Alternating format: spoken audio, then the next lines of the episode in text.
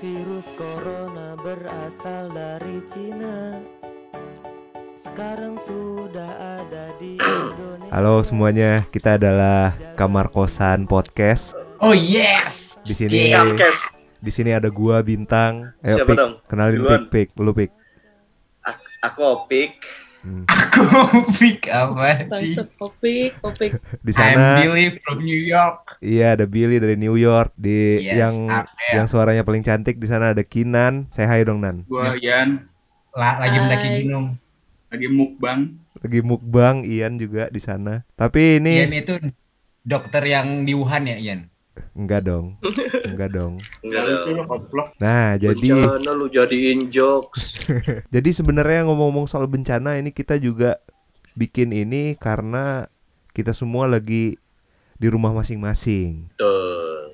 Karena Kecuali Billy. Billy lagi Karena. Billy adalah gembel masyarakat. Kita kan ngumpul-ngumpul karena kita lagi terkarantina akibat virus corona nih. Ini kan beda-beda nih. Lu di mana sekarang, Pik? Di Jakarta ya? Di Bekasi dong. Oh, di Bekasi. Berarti kita sama-sama Jawa Barat, Pik. Ian Mm-mm. di Jakarta. Jakarta. Jakarta. Selatan. Lu di Bandung, Bil. Enggak anjir dia di kosannya yang busuk itu aja. Oleh kosan geng. Coba room check dulu biar room check. Coba Bil. Enggak lihat lihat lihat lihat sampah-sampah di bawah meja lu. Jangan jangan. Le, li di record ini. Kinan di Pramuka. Pramuka gue. di pramuka. Sebagai freelancer nih, kebanyakan dari kita kan ada yang kerja di perfilman, periklanan. Nah, pengaruhnya corona sekarang tuh buat masing-masing dari lu gimana sih? Gue eh, pengaruhnya satu project cancel, satu project cancel terus yang lainnya tunda sampai melihat kondisi. Tapi itu posisinya udah udah udah deal. Udah udah kan gue nulis, Hmm. udah udah gue udah deliver konsep, harusnya akhir bulan tanggal 20-an itu besok ya, harusnya besok Hmm. itu udah syuting terus melihat kondisi seperti ini jadi ditunda proyeknya eh katanya sih estimasi April mau syuting cuma kan gua nggak tahu nih kan yang udah dinyatakan bencana kan ini Iya. terus pernyataan bencananya kan sampai Mei ya 9 Iya, Mei iya, apa iya, tanggal iya. berapa gitu Udah diperpanjang tau? 31 hari pokoknya. iya jadi gua nggak tahu Kalau beneran sampai lebaran gimana ya? Sampai habis lebaran tuh. Wah, sedih banget cuy, parah. Orang tuh di Instagram pada doa tau ini semoga sebelum Ramadan coronanya udah habis ya guys. Iya sih kalau Ramadan masih corona gak gitu sih. Sedih sih. Anjay. Kamu pasti beda banget. Beda banget. Kan biasanya kan saat-saat berkumpul. Iya ini kita nggak boleh ngumpul ya. iya cuy Berarti di daerah udah nggak boleh udah nggak boleh sholat Jumat dong Yan? Ya nggak tahu gue tapi kayaknya iya sih. Tapi kemarin kocak sih. Gue bukan yang ngatain nih ya prank. Iya iya gimana? Hmm. Kan kemarin udah. Jadi masjid di dekat rumah gue udah dapat surat rujukan dari gubernur ya. Heeh. Hmm. Nah, terus disuruh pokoknya disuruh intinya kan ya kalau dari gubernur kan kayak social distancing segala Iya. macam jaga jarak, jaga kebersihan, Hmm. Hmm. ya kan? Disuruh ngumpul kerja bakti ya nih. Anjing itu lucu sih. Gue denger lah, terus gimana? itu punchline sih, dulu parah. Kerja bakti tenang kerja bakti. dulu selama kerja baktinya jarak satu lengan aman Eh juga sih. Niatnya baik sih ya mungkin ya. Tapi mungkin salah nangkap aja gue. Lu dapat postingan nggak di grup WA keluarga dari dari wah ada cuy Edi Rahmayadi? Gila, masuk nih ke grup gue juga tuh. Iya nih, mak-mak Sumatera biasanya dapat nih. Gerakan SPK Stop posting corona. Virus corona makin Itu hari makin merajalela, bahkan telah merusak tatanan agama. Sholat di masjid tak boleh lama-lama. Iktikaf di masjid tak dianjurkan. Bersilaturahmi harus dihindari. Bersalaman pun harus dijauhi. Mengapa ini bisa terjadi? Karena manusia menempatkan virus ini sebagai penjajah tanpa batas. Menjadi raja kejam dan membinasakan siapa pun, tak pandang usia, bangsa, dan agama. itu nyampe. Kalau gue sih kagum tuh. Nggak nyampe ke nggak tahu sih nyokap ya. gue dapet apa enggak ya. Gak ada, gue gak masuk Aduh. WhatsApp keluarga. Fuck. Kopi WhatsApp kopi grup keluarga. Fuck. Gue gak masuk WhatsApp grup keluarga gue. WhatsApp keluarga Opik mah tukeran peyem anjing. Opik orang Sunda. Peyem anjir. Enggak, enggak, enggak ada tang gitu-gitu tang. Gua Karena gue tidak masuk grup WhatsApp keluarga semenjak gue eh, memilih Jokowi. Oh. Cuma gue tetap disuruh sholat besok di masjid sama nyokap gue Tapi Oh, gua- kalau. Gue udah enggak tahu. Gue enggak nih. Gue soal gue Padahal gue di Bogor tau Gue besok kayaknya sholat duhur di rumah deh Nggak sholat Jumat kayaknya Itu lo disuruh nyokap juga. emang di rumah apa gimana? Ya gua gua awalnya udah ini kan udah udah bilang dari awal eh, ini nih di di Kuwait nih mah orang udah nggak boleh ke masjid gitu azannya aja udah diganti Oh iya emang ya, diganti iya juga. kan diganti tuh Iya cuy, di Kuwait jadi sholat di rumah kan? iya asolatu fi. Terus gimana? iya terus awalnya nyokap gua gitu kan bilangnya enggak udah udah penyakit tuh datangnya dari dari Allah tapi gua gua iniin terus gua bilang kan ada ranah akidah sama ikhtiar gua bilang Fikih, fikih. enggak kita kan harus ikhtiar juga Hmm. sama kayak kayak rezeki Itu, gue juga bahas itu. Mm-mm, sama kayak gue bilang kayak rezeki rezeki emang datangnya dari Allah tapi kalau kita nggak nyari juga kita nggak dapat nggak dapat rezekinya juga gue bilang gitu Iya betul. Kan takdir ada dua. Kalau kalau misalkan ngebahas apa tadi yang di grup WhatsApp keluarga lo, orang tua gue juga pemahamannya kayak gitu, Tang. Hmm. terus ya di Twitter ada juga yang nge-share kumparan apa ya kalau nggak salah dia nge-share di Malaysia Jumat udah dilarang kalau misalnya di Indonesia diterapkan gimana gitu ada ada pertanyaan gitu kan waduh komennya Udah keluar fatwa kan? udah udah kok Mm-mm. Iya udah keluar fatwa. dan Nah, itu itu tuh yang gue mikirin dah tuh. Serem dah. kenapa Iya ya cuy. Kayak apa ya? Mau sek- sekarang tuh mungkin gue mikirnya sih gara-gara salah media dulu ya. Media kan dulu sering banget kayak giring opini ke sana kemari ya. iya Hmm. Giliran di saat harus membahas fakta nih jadi pada nggak ada yang percaya. Jadi Iya pada juga so sih. pinter semua. iya benar-benar Iya sih. Kalau gue sih mikirnya gara-gara ini juga apa pas awal-awal yang outbreak di Wuhan kan di sini kan pejabatnya malah pada bercanda Iya. dan itu dikasih panggung di media cuy jadi sekarang orang nggak Hmm. ini Mhm, bener Iya mikirnya kayak The Boy Who Cried Wolf. Anda. Nggak kayak mikirnya tuh kayak apa ya? Gua harus ngomong kasar sih, dangkal sih menurut gua. Kalau kita ya yang tadi gitu, maksudnya dari kecil kita udah diajarin masalah doa dan ikhtiar gitu. Hmm, Kayak lo orang-orang yang selamat tsunami kalau dia nggak lari ya mati pasti lah. Bener. Itu aja sih. bener. Dulu waktu itu gua terawih kan ada ceramahnya tuh. Terus ustadznya nanya Hmm. sama sama jamaah, nih Pak, misalnya kita lagi sholat nih Pak sekarang, terus gempa dateng, kita lari apa sholatnya lanjut? Semua jemaah bilang, oh kita tetap lanjut sholat Pak. Kalau mati mati syahid gitu kan. Terus Ustadz jawab, Hmm, bukan gitu pak, salah. Kalau kita lagi ibadah, terus ada gempa atau ada apa, kita harus tetap selamatkan diri dulu. Terus orang-orang pada protes, bapak-bapak, wah ini sesat nih ustadz ini gitu. Anjing itu lah. Ya, kalau kita mikirnya pakai logika juga kan, kalau lo selamat lo bisa sholat lebih banyak, bisa beribadah lebih banyak. Nah iya, gue juga bilang Kenapa gitu harus tau. mati di situ? Padahal udah, Enggak orang ini kok banyak yang nge-share apa? iya, oh Wah, kalau lu kena wabah iya iya ada. kalau di suatu hadis. daerah ada wabah jauhi daerah itu kalau daerah lo kena wabah jangan keluar dari Jangan daerah keluar. itu Iya, itu hadis. Itu ya. itu. Heeh. Enggak, tapi ada satu lagi tuh yang harimau-harimau juga ada tuh. Harimau apaan? Gue baru baru baru lihat di Twitter kan. Heeh. Isi suratnya tuh jauhkan apa seperti kamu lari dari harimau gitu-gitulah. Jadi diceramain tadi gue. Padahal cuma nanya baik-baik anjir, diceramain. Nanya apaan lu? Kenapa? Iya, gue nanya nih sholat gimana nih pak gitu, nanya bokap. Oh sholat tetap harus di masjid.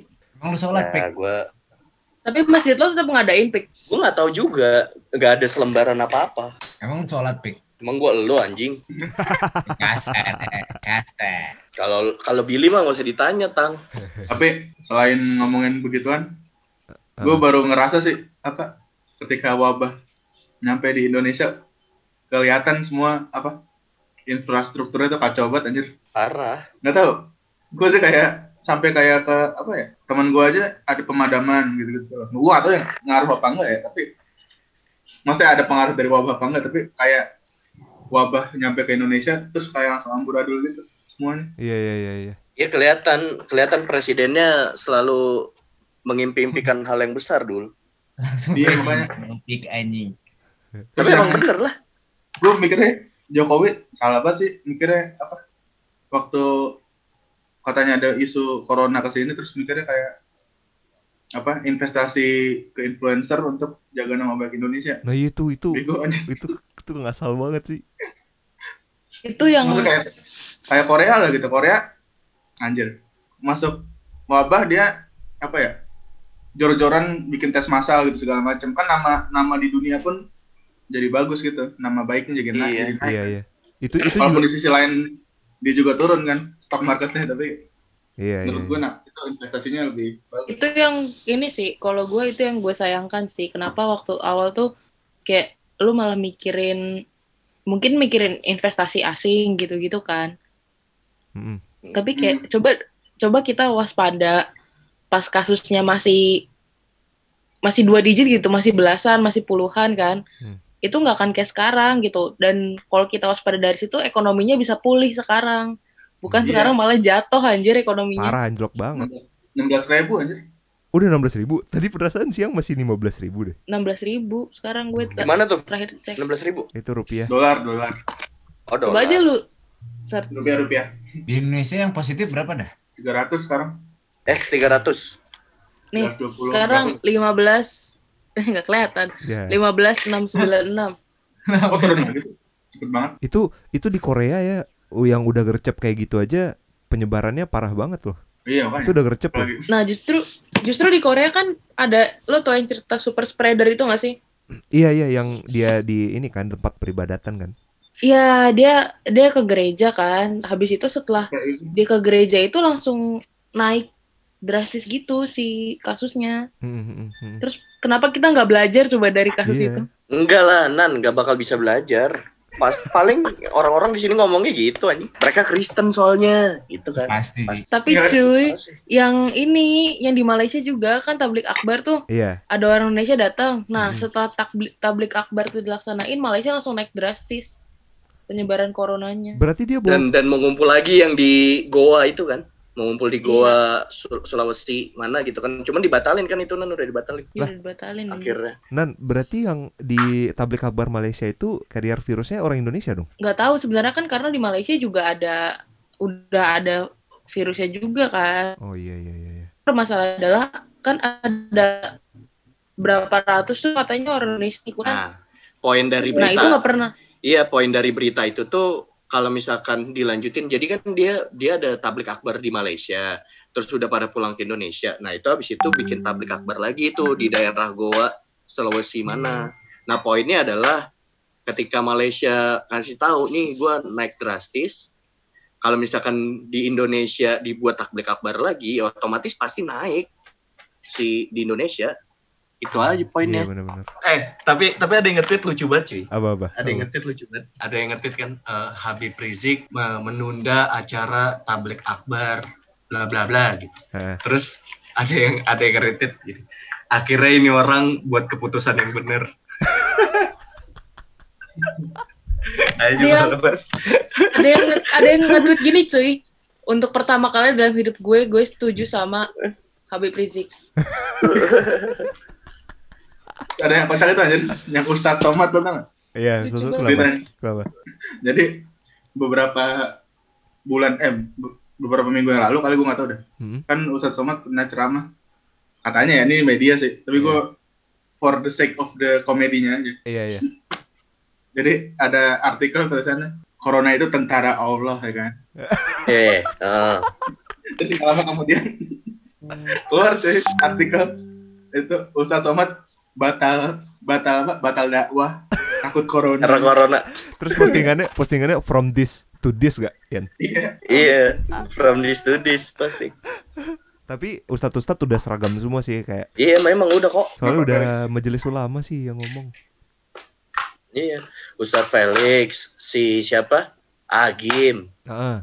Ya kan udah udah pada sepakat buat sholat zuhur aja di rumah kan sebenarnya. Iya bener. Apalagi Iya, Jakarta. bahkan bahkan mereka ngejabarin ini loh ternyata kan ini baru tahu juga gua kayak ada syarat untuk orang yang wajib sholat jumat itu loh aturan udah nggak ragu lagi kalau memang sekarang fatwanya udah turunin kalau lo harus sholat di rumah aja Mm-mm, mm. gitu kan banyak banyak keraguan kayak ah masa iya sih ini gua nggak dosa dong gua nggak sholat kayak Iya. gitu ini apa benar Oh, udah boleh ya? Terutama di Jakarta sih. I- iya terutama yang daerah-daerah yang memiliki penyebaran wabah Iya, eh, terus juga gua kan nonton ya di channelnya yang satu lagi yang ustadznya artis-artis siapa? ini si siapa Adi Hidayat Adi Hidayat. Nah dia bilang dia dia sampai ngeliatin nih petanya Jakarta tuh udah merah semua. Berarti di Jakarta terutama ya ini udah zuhur di rumah semuanya. Gini deh kalau soal soal acuan agama deh. Mekah tuh kiblat Iya, iya. kiblatnya kita aja tuh pertama udah dia tuh yang paling pertama loh udah udah ngekat orang buat buat umroh lu bayangin aja Ya lu bayangin umroh dan haji itu salah satu pemasukan utama anjir.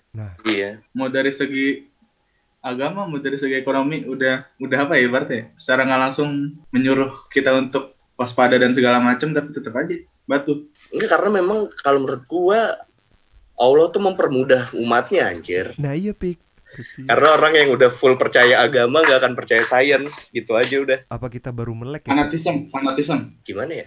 Maksudnya kalau ngomongin argumen deh tiap tiap ustadz aja kan kadang beda dan itu juga bisa mecah belah kan. Pernah gak sih lu denger oh ustadz ini Banyak kayak gini. yang Itu bertolak Iya kayak gitu kan. Iya. Karena kan emang apa namanya buat jadi ulama di Islam kan juga yang kayak paling tinggi gitu kan. Mm-mm. Jadi dan itu tanggung jawabnya berat gitu ketika lu memutuskan sesuatu, lu menanggung dosa. Kalau lu salah lu kayak menanggung dosa umat lu juga gitu loh. Bener-bener. Sekarang kan udah gak ada nabi kita dan Iya. salah satunya kan yang didengarkan ketika nggak ada keputusan kan keputusannya ulama. Jadi fungsinya MUI ya itu juga anjir. Iya tanggung jawabnya berat kayak misalnya penentuan ini deh penentuan tanggal kita puasa atau tanggal kita lebaran itu kalau Hmm. misalnya salah kan kita berpuasa misalnya di satu syawal gitu kalau misalnya penetapannya dari MUI salah ya satu negara dosa ditanggung dosanya Iyalah, kan pemimpin kan? Iya. Dosa pemimpin anjir. tanggung jawabnya berat Eh, lu masih ngerekam nggak, Tang? masih Nih, ada sih yang sebenarnya gua jadi pahamin kenapa khususnya di industri kita ya, kenapa organisasi organisasi profesi itu penting gitu. Mm-mm. Gue pikir ya kalau misalkan misalkan nih punya organisasi profesi, misalkan penulis, penyutradaraan segala macam gitu kan. Hah? Terus kita pendaftaran anggota harus punya NPWP, iuran sekian persen dari project segala macam. Hmm. Ketika kayak gini tuh badan badan si organisasi ini tuh harusnya bisa punya kebijakan kasih kompensasi uang atau dana sementara gitu loh. Hmm. Kita proyeknya ditunda ya. Ah, ah, Maksudnya kan pasti banyak banget yang yang syutingnya ditunda segala macam gitu. Mm-mm. Nah, sedangkan kalau misalkan mau minta ke produser juga produsernya ya orang dia juga nggak ada pemasukan gitu kan. Cuman ketika kita punya dana simpanan kan meskipun jumlahnya nggak banyak seenggaknya cukup buat kebutuhan utama. oh iya juga ya non ya Jadi gue kayak mikir bagus juga kalau organisasinya bisa jalan di situ tuh. Gue kemarin kepikiran ini kalau kayak gini-gini yang harusnya kasih kompensasi ke freelance Ah, siapa ya? Kalau company kan punya badan hukum. iya Nah kita yang freelance ini gimana gitu? Kita kayak nggak punya persatuan yang udah ngatur segitunya kan? oh iya lagi Opik delay ya? Iya sinyal gue jelek anjir. Parah. Delay gak? nggak tahu kalau di sini mah Tapi kedengeran gak suara gue sekarang? kedengeran suara lu Kedengeran. Bekasi sampah anjing. Nah, sumber sumber dari mana? Nah misalnya Nan, kalau organisasi yang kayak gitu yang kata lu tadi, kita bisa bikin kayak itu sendiri nggak sih? Kayak uh, apa namanya peraturan-peraturan tersendiri gitu, misalnya kayak kontrak segala macam. Kan kita masalahnya selalu di sana tuh. Kayak kalau misalnya kita udah ada badan hukumnya atau misalnya ada ada apanya gitu, yang bisa ngemenangin kita kalau ada kasus-kasus. Nah, gue tuh Hmm. juga yang gue tahu ya tang, gue nggak tahu sih belum riset bener apa enggak. Kayak gue cuma denger-denger aja. Katanya kan kalau di Amerika tuh kalau penulis namanya Writers Guild. Hmm. Nah, Writers Guild ini semua orang-orang yang di bawah Writers Guild Mhm. itu bisa punya kontrak. Nah, seandainya dan kontraknya tuh berlaku buat dua sisi. Misalnya penulisnya nggak dibayar sama vendornya sama kliennya gitu. Kliennya Iya. bisa diblok dari Writers Guild gitu. Nggak akan nggak akan bisa bekerja sama sama penulis yang di bawah Writers Guild ini. Dan penulisnya pun gitu. Kalau misalkan dia nggak menyelesaikan kontraknya, Mm-mm. dia bisa diblok dari Writers Guild, bisa tidak menjadi penulis rekomendasi gitu. Oh, Emang ya industrinya juga udah matang ya, jadi udah sejauh itu dipikirinnya. iya tapi kalau di kita kayak emang belum ada deh Kayak- emang belum boro-boro boro-boro yang kayak sekarang nan kita nggak dibayar nih misalnya klien kabur atau kayak apa kita nggak nggak tahu bo mau ngadu sama siapa. Iya. Soalnya kan maksudnya di posisi kita kita udah, udah tangan kesekian anjir. Iya. Kalau lu sendiri ada gitu tang ketakutan klien kabur? Ada nan. Soalnya apalagi kalau kayak kita kita gitu ya. Gue kan mis- gua kan bikin PH kecil-kecilan juga. Terus kita nih kan masih ibaratnya masih nyari nama gitu. Terus kalau misalnya apa-apa kita langsung nyodorin kontrak kayak ah apaan sih lu? Kayak PH baru juga langsung minta-minta kontrak segala macam gitu. Gue ada kepikiran ke sana juga satu sisi gue pengen kita jaga nama dulu deh jangan sosokan gini gini gini gitu. Kita juga belum gede gitu. Kan solusi satu-satunya cuma kontrak kan di sana kita bisa bikin semuanya gitu. Iya ya. Bingung cuy. Sampai sekarang tuh nasib merintis. Sa- sampai sekarang tuh produser gua nggak berani bikin kontrak nan. Mau dipaksain Ke juga. semua. Kontrak ke pemain ke klien.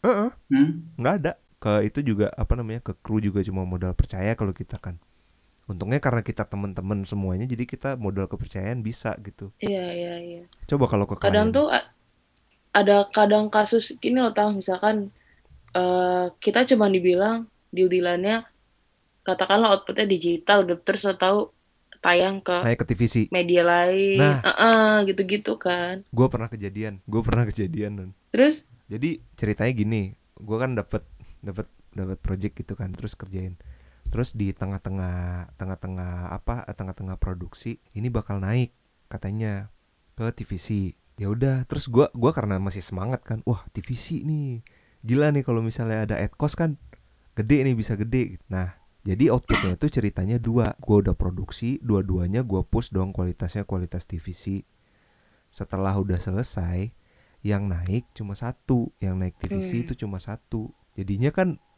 ini ya rugi ya. Ibaratnya kan rugi tuh. Gue udah ngepush dua-duanya gitu dua-duanya buat tayang. Dan yang naik tuh cuma satu. Hmm. nah dari dari sana maksudnya nggak ada perjanjian dari dari awalnya tuh harusnya kalau kita punya kontrak kan jelas tuh ini bakal naik TVC dua-duanya apa enggak gitu. Terus kalau misalnya beneran naik ad costnya dicairkan kapan?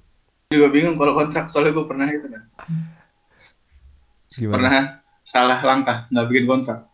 Hmm, terus Sama siapa, Dul? Ya jangan dulu. jangan jangan jangan. Penting banget sih menurut gue tapi gimana ya di sisi lain kadang-kadang kalau lagi merintis kan pengen Enggak. pengen aja gitu. iya Kalau ngomongin eh kalau kalau ngomongin kontrak mah kalau menurut gue ya sebenarnya kan kalau kita ngomongin as a business emang SOP SOP-nya memang harus pakai kontrak kan. Hmm, iya Cuman memang menurut gua karena seni dipandang sebelah mata juga menurut gua. Hmm, Karena bidang kita tuh dipandang sebelah mata menurut gua apa pun ya. hmm.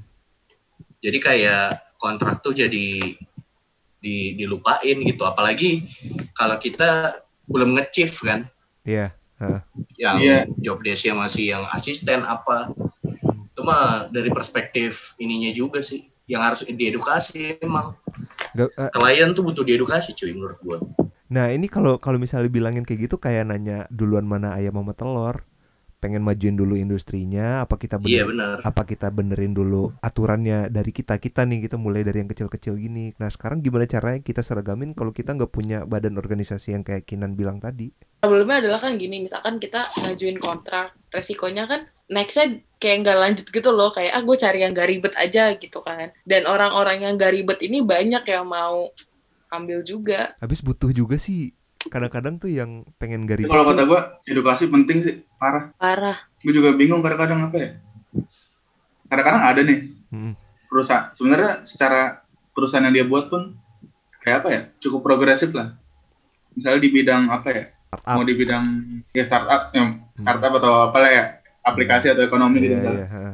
tapi nih dia punya perusahaan cukup cukup apa ya cukup advance lah di bidangnya beda Iya. sama yang lain gitu udah mulai menunjukkan sisi kreatif tapi ketika ngebahas bikin karya audiovisual atau iklan atau apa gitu tetap belum nyampe anehnya gitu Nah, kayak iya. ada gap gap apa ya gap selera lah bahasanya mungkin iya ya. iya bener bener bener bener jadi mereka masih tetap berada di level jadul gitu ibaratnya bener. kita udah di mana nah jangan mereka masih di mana gitu walaupun sebenarnya mereka pun orang yang benar-benar berpendidikan gitu iya iya bener pada bener. bidangnya. yang gue sering yang gue sering temuin sih ini ya misalkan kayak gue udah ngajuin konsep yang bagus gitu kan. Mm-mm. kadang tuh kan kenapa kita bikin cerita kan ada proporsi ya. Kalau misalkan ditambah akan kepenuhan terus tumpah. Kalau dikurang kalau kurang ya dia nggak ada yang kosong gitu Iya, kan.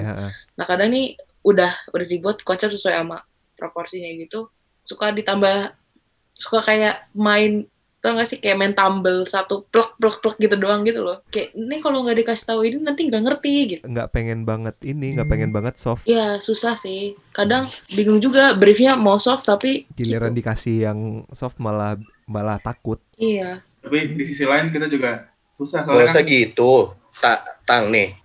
dikat gue dikat gue dikat. Ikat dia udah ngomong lanjut. lanjut, Yan dulu lanjut, Yan lanjut. dulu Yan dulu Yan dulu coba. Kenapa Yan? Kenapa Nggak apa di sisi lain kita kan juga nah ini juga apa ya hal yang harus kita cari sih. Udah lama kan gue sering ngebahas ini juga apa Mm-mm. produk kita kan nggak kelihatan ya? Iya. Itu tuh juga susah kadang-kadang kan. Kan or- orang-orang itu yang yang yang tadi gue bilang juga pendidikan bukan pendidikan taste aja taste seninya masih beda gitu. Iya. kan susah kita ngedeskripsiin visual kita walaupun dengan referensi sekalipun gitu itu juga sih harus dicari tuh solusinya tuh mengkonkretkan konsep Hmm. sehingga bisa dipresent ke klien secara efe- efektif gitu mereka pun bisa percaya kita bisa gue nggak tahu Ya sih. makanya mereka kan jalan keluarnya kan pakai videomatic dulu. Pernah kan lu Videomatic. dengar istilah videomatic tuh. Videomatic. Jadi ya kita harus bikin iya kita harus kita harus bikin rekaan dari apa yang mau kita buat gitu dengan tidak proper biar mereka tuh setidaknya tahu gambarannya. maksud tuh kayak kayak Iya, video saat- dummy gitu ya iya video Iya, dummy at- atau yang sering gue tahu sih ya storyboard storyboard Di diedit jadi diedit. video ya tapi kan itu bu- budget Storyboard lagi sih, gitu bener. itu itu sebenarnya kan budget lagi kan ya nggak sih iya nah Takutnya ntar- gitu ngegerakin storyboardnya kan butuh butuh budget lagi emang orang yang bikin Orang. itu nggak dibayar hmm. iya Nah, kadang mereka problemnya- tuh mereka tuh nggak kepikiran sampai sejauh itu, Tang. nah itu. Makanya yang itu benar edukasi sebenarnya. Nah cuman gimana caranya Mm-mm. ngedukasi itu gimana? Nih, gini ya. mereka tuh terlalu superior pik. Nah opik suara kayak orang nyimeng pernah lagi di gue makinan mengajarkan satu Autotune, satu. kenapa suara kenapa? Suara lo kayak orang nyimeng. Kenapa? Ya Emang iya? gua suara lu slow mo Pik. Sekarang sekarang udah jelas belum enggak Sekarang- enggak enggak enggak Bingung lu nih. Udah. sekarang jelas sekarang jelas sekarang jelas lanjut lanjut ya maksudnya gue gua makinan tuh pernah eh, dapat project dari salah satu PH gitu Hmm. yang sampai akhirnya kita nilai secara SOP mereka nggak benar gitu Hmm. nah habis itu kita kita kasih tahu dong gua makinan berusaha menjelaskan ke dia sebenarnya SOP yang benar seperti apa Ha-ha. Eh gua makinan udah nggak di calling. Nah gitu tuh gitu. Selek langsung bawaannya Iya, tuh itu. selek. Gimana ya? Makanya emang harus ada ini Ya, sih tidak. kayak bener tuh nan. Organisasi Ngapain nan. tapi susah sih karena kan eh gue juga bingung kan. Di satu sisi yang bentuknya video itu produknya iklan. Mm-mm. tapi cara pembuatannya filmmaking gitu. Iya. Jadi kayak maksudnya mungkin kita bisa menilai secara sisi idealis karya tapi kan namanya orang bikin iklan mereka menilai dari engagement efektivitas gitu Iya, kan perkiraan pengaruhnya. Menurut gue kalau gue secara pribadi gap itu yang gue nggak ngerti sih. Nah organisasi yang bisa itu mungkin ketika proyeknya film karena organisasi sutradara film sutradara apa namanya penulis skenario film gitu itu mungkin bisa di bisa di tackle Hmm. gitu. Tapi kalau udah iklan udah susah juga sih. Iklan tuh kayak dua-dua dua-duanya abstrak gitu masih nan, dari keseniannya juga abstrak gitu terus dari angkanya ju- pun juga nggak ketebak. Misalnya iya. juga iya klien juga eh kita mau bikin viral gitu. Bisa nggak ini dibikin viral? Kita nggak nggak punya formulanya. Nah, itu tuh yang gua pengen bahas tuh. Kalau sebenarnya menurut gua kalau pengen viral itu harus inovatif. benar. Iya harus harus. Sering kali sering kali klien tuh misalnya Jai, siapa sih? Jai, di Mas Siapa? Jai. Dimas J Dimas J Heeh. Dimas Jai, ya. Dimas Jai lagi hits nih. Mm, Terus klien banyak yang minta kayak gitu. iya Hmm. Terus ya nggak salah juga sih kayak stay safe gitu, pengen nyari aman ya. Iya. Gara-gara iklan kayak gitu lagi hits. Tapi menurut gua yang kayak gitu viral apa potensi viralnya malah lebih sedikit dong. karena udah ada yang ngebuat gitu. Iya, udah nggak Menurut baru gue lagi. viral, iya viral Iyalah, tercipta benar. karena hal tersebut baru. Gitu. Tapi kebanyakan klien nggak mau ngambil resiko. Jadi ya gimana susah juga gue mikir itu. Iya, kalau kalau ditanya formula buat viral apa ya nggak ada. Iya, nggak ada, Pi. Menurut gua sebenarnya cuma kalau misalkan bisa nggak bikinin video yang bagus, ya kita ada formulanya gitu. Ya, video yang baik Sebenarnya gitu ya. itu, Yang baik secara Iya. secara kaidah gitu kita bisa. Mm-mm. yang awarenessnya diperhatiin, apa ya diperhatiin gitu, ya bisa. Cuman kalau misalkan dia nanya formula biar viral, ya nggak ada. Dan kalau ngomongin viral juga balik lagi kan selera juga, apa juga. Iya, Zeki. Iya, kalau misalkan produk lo memang bukan produk untuk semua orang, mau viral kayak gimana? Gitu aja deh misalkan. Dari Misalkan ada nih, eh, ini deh perusahaan baut minta bikinin minta bikinin video. iklan viral gitu. siapa Baut orang yang nyari baut gitu loh. Maksudnya siapa yang yang mau nyari baut gitu loh. Demografinya aja udah spesifik. Mario, Iya. Mario, Mario, oh. Kita semua mencegah virus corona. Yuk.